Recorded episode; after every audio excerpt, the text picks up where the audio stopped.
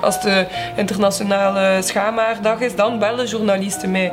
Maar niet als het gaat over uh, ah, uh, sustainable, duurzaam ondernemen. Uitdagingen vind ik niet erg.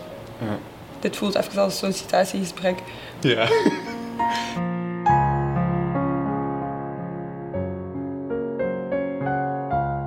We zijn in het kastje nu. Ja. En je bent hier vertrokken. Ja. en dan zijn je hier teruggekeerd. Ja. Hoe is het om terug te zijn? Boeiend om hier terug te zijn, zal het zo zeggen. Uh, laat ons zeggen dat ik nooit had gedacht dat toen ik hier buiten stapte, dat ik dit zou gedaan hebben. Uh, ik weet uh, grote overtuiging te zeggen dat mijn leerkrachten wellicht ook nooit gedacht hebben dat ik dit zou gedaan hebben. Ik had gezegd, Kask, jullie leren mij niet genoeg. Uw naaimachines marcheren hier niet. Uw proffen zijn dronken en ik heb voor de woensdag nooit les. Uh, ik had daar geen zin meer in. Dus ik ben dan naar Antwerpen geweest, omdat zij zeiden van, ah, modeschool dan de hele wereld. Uh, ik ga hier echt geen vrienden maken. Hè. Uh, dus ik ben dan naar daar geweest, omdat ik dacht dat daar beter was. En daar hebben ze mij gezegd, jij bent van Gent, jij komt er niet in. Uh, dus dan heb ik daar een jaar gebleven. Dat is wel een super rare kronkel, toch? Dus Muriel krijgt van al haar proffen de boodschap, maak dat je weg bent. Ja.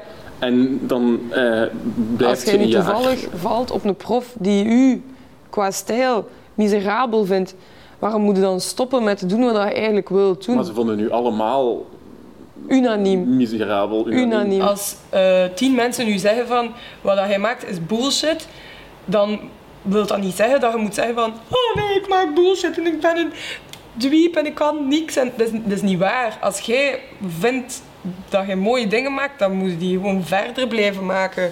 Gaat dat misschien maar drie mensen vinden die dat ook mooi vinden wat hij maakt. Dat is niet erg. Drie is oké. Of één is ook oké. Als je daar zelf gelukkig van wordt, dan moet je dat toch gewoon verder doen. Volgende maand gaan we ook een winkel open doen in Antwerpen. En eh, een paar van mijn vrouwelijke proffen komen lingerie kopen bij mij in de winkel. En dan denk ik van, ik vind dat leuk. En dan komt op terug op de kask. Ja, hier hebben ze mij dan gezegd van... En? Je dacht toch dat daar beter was, maar het ging daar niet. Hè. Ze vonden het niet tof hè, daar. Je bent op je tanden gegaan. Hè. En dan heb ik gedacht... Hmm, hoe kan ik hier nu nog verder uitwurmen? En dan heb ik eigenlijk uh, superveel avondopleidingen gedaan bij Sintra. En Sintra, daar zijn er geen streken. Uh, Sintra is, je kiest wat wil je leren, dat. En wel, hier gaat leren, voilà, dat is uw skill klaar. Wil daar leren metsen, je kunt daar leren metsen. Wil je leren uh, patronen tekenen, je kunt daar leren patronen tekenen. En ik heb eigenlijk dus in die vijf jaar opleiding van dagonderwijs heb ik elf jaar opleidingen gedaan met avondopleidingen erbij en zo. En daardoor heb ik geleerd hoe dat ik twee stenen op elkaar moet zetten. En dan was ik ja, op mijn 23 chef d'atelier in een bedrijf. En ik had dan... Ehm, ik was verantwoordelijk voor 30 stiksels in België en dan nog een twee ateliers in Tunesië.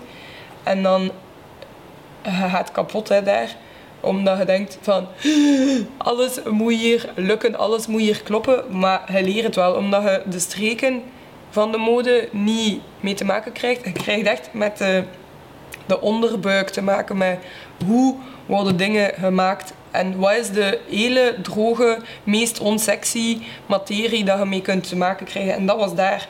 En daar heb ik ontzettend veel geleerd. Heb je dan een, een, een baas die je ontwerpen steelt op een bepaald moment en ze wil uitbrengen onder zijn eigen naam? Ja, dat was een familiebedrijf en uh, hij werkte daar en zijn vrouw ook. En uh, toen dat hij naar mij belde, als zijn vrouw daar was, dan was dat... Ja, kun ik naar mijn bureau komen? En als zijn vrouw daar niet was, was dat... Uh, ja, kun jij nog geen naar mijn bureau komen? Dus dat was zo wat de sfeer. Mm. Um, en ik had daar geen zin meer in. Ik heb nooit een probleem met autoriteit als je meer weet dan mij. Maar als je gewoon de lakens komt uitdelen en je weet niet van waar dat komt eigenlijk, dat vind ik echt moeilijk. Mm En uh, ja, dan heeft hij mij de keel toegenepen, letterlijk. um, toen ik niet wou luisteren uh, naar wat hij zei. En dan dacht ik van, misschien is het tijd om zelfstandig te worden.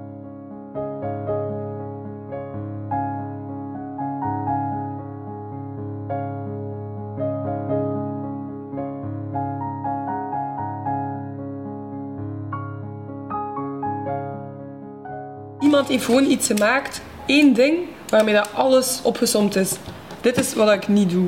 hoe dat zij dat maken, hoe dat, dat afgewerkt is, hoe dat die pasvorm is. Voor mij maakt dat eigenlijk niet zoveel uit dat dat gekopieerd wordt. Wat ik wel belangrijk vind, is dat mensen blijven weten waarom dat ze bij mij 140 euro uitgeven Ja. en daar maar 20 euro.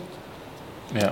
En dat dat niet is omdat ik graag wil verhuizen naar Bora Bora, maar gewoon omdat ik hier een métier aan de praat. Ja. Maar waarom, waarom doe je dat?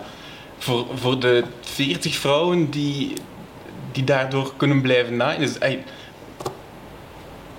Nee, ik vind dat, nee, niet voor die 40 vrouwen. Die 40 vrouwen maken er deel van uit.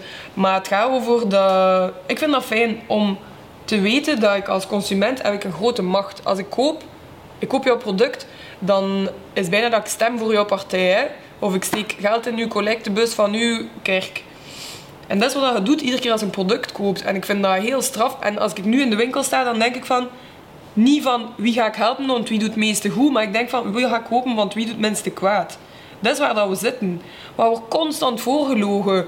Eh, organic, bio, weet ik veel. Dus er zijn dus meer labels dan goede bedoelingen in feite. en dan is het iemand moeten doen. En omdat niemand het doet, ga ik het doen. Ja, Dan, dan lijkt het mij dat je... Dat het je kwaad moet maken dat er zoveel mensen het niet op die manier doen.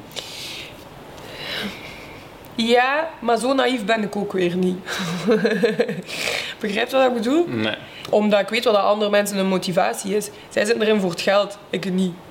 En oké, ik heb geld nodig om mijn werking te kunnen blijven verder doen. Maar mijn doel als mens is dat ik dingen wil maken. En daarvoor moet ik niet ehm, de marges hebben dat zij voor gaan. Zij willen gewoon zo Dagobert Duck zo duiken, zo zwemmen in die toren van geldstukken. Dat is niet mijn ambitie. Ik ga even graag gaan zwemmen in de je. Durfde dat zeggen hoeveel geld je verdient eigenlijk? Nu, ik heb eh, de volle 14 jaar en 1000 euro in de maand gewerkt. En eh, nu heb ik het dubbel, want ik heb eh, een kindje. Die ik niet denk van... Het klinkt veel als je zegt ik heb het dubbel, maar dat wil zeggen dat je 2000 euro Ja. bruto Ja. bruto hebt. Ja, hoe hè?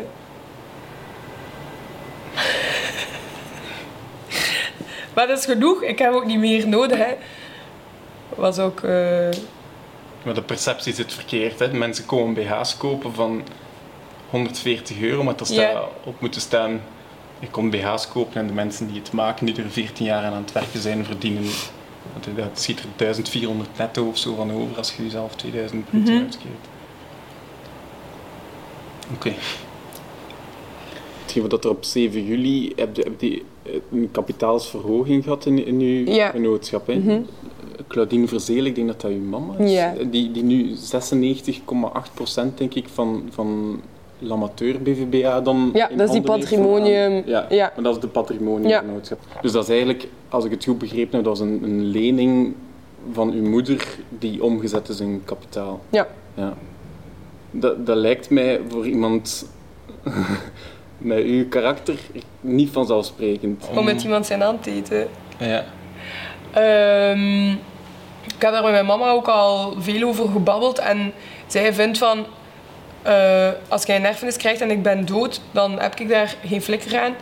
Ik weet niet wat er gebeurt na de dood, maar voor het gemak gaan we ervan uit dat je dan effectief dood bent. Eh, hoe zeg je dat? Eh, erfenisplanning bij leven of zo. Ik weet niet hoe je dat wilt noemen.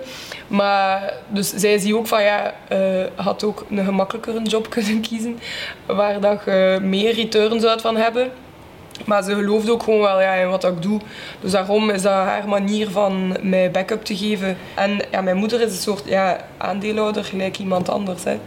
Eh, maar ik vind dat wel een aangename gedachte om dat te doen met iemand van familie, eerder dan met iemand gewoon een man in een pak.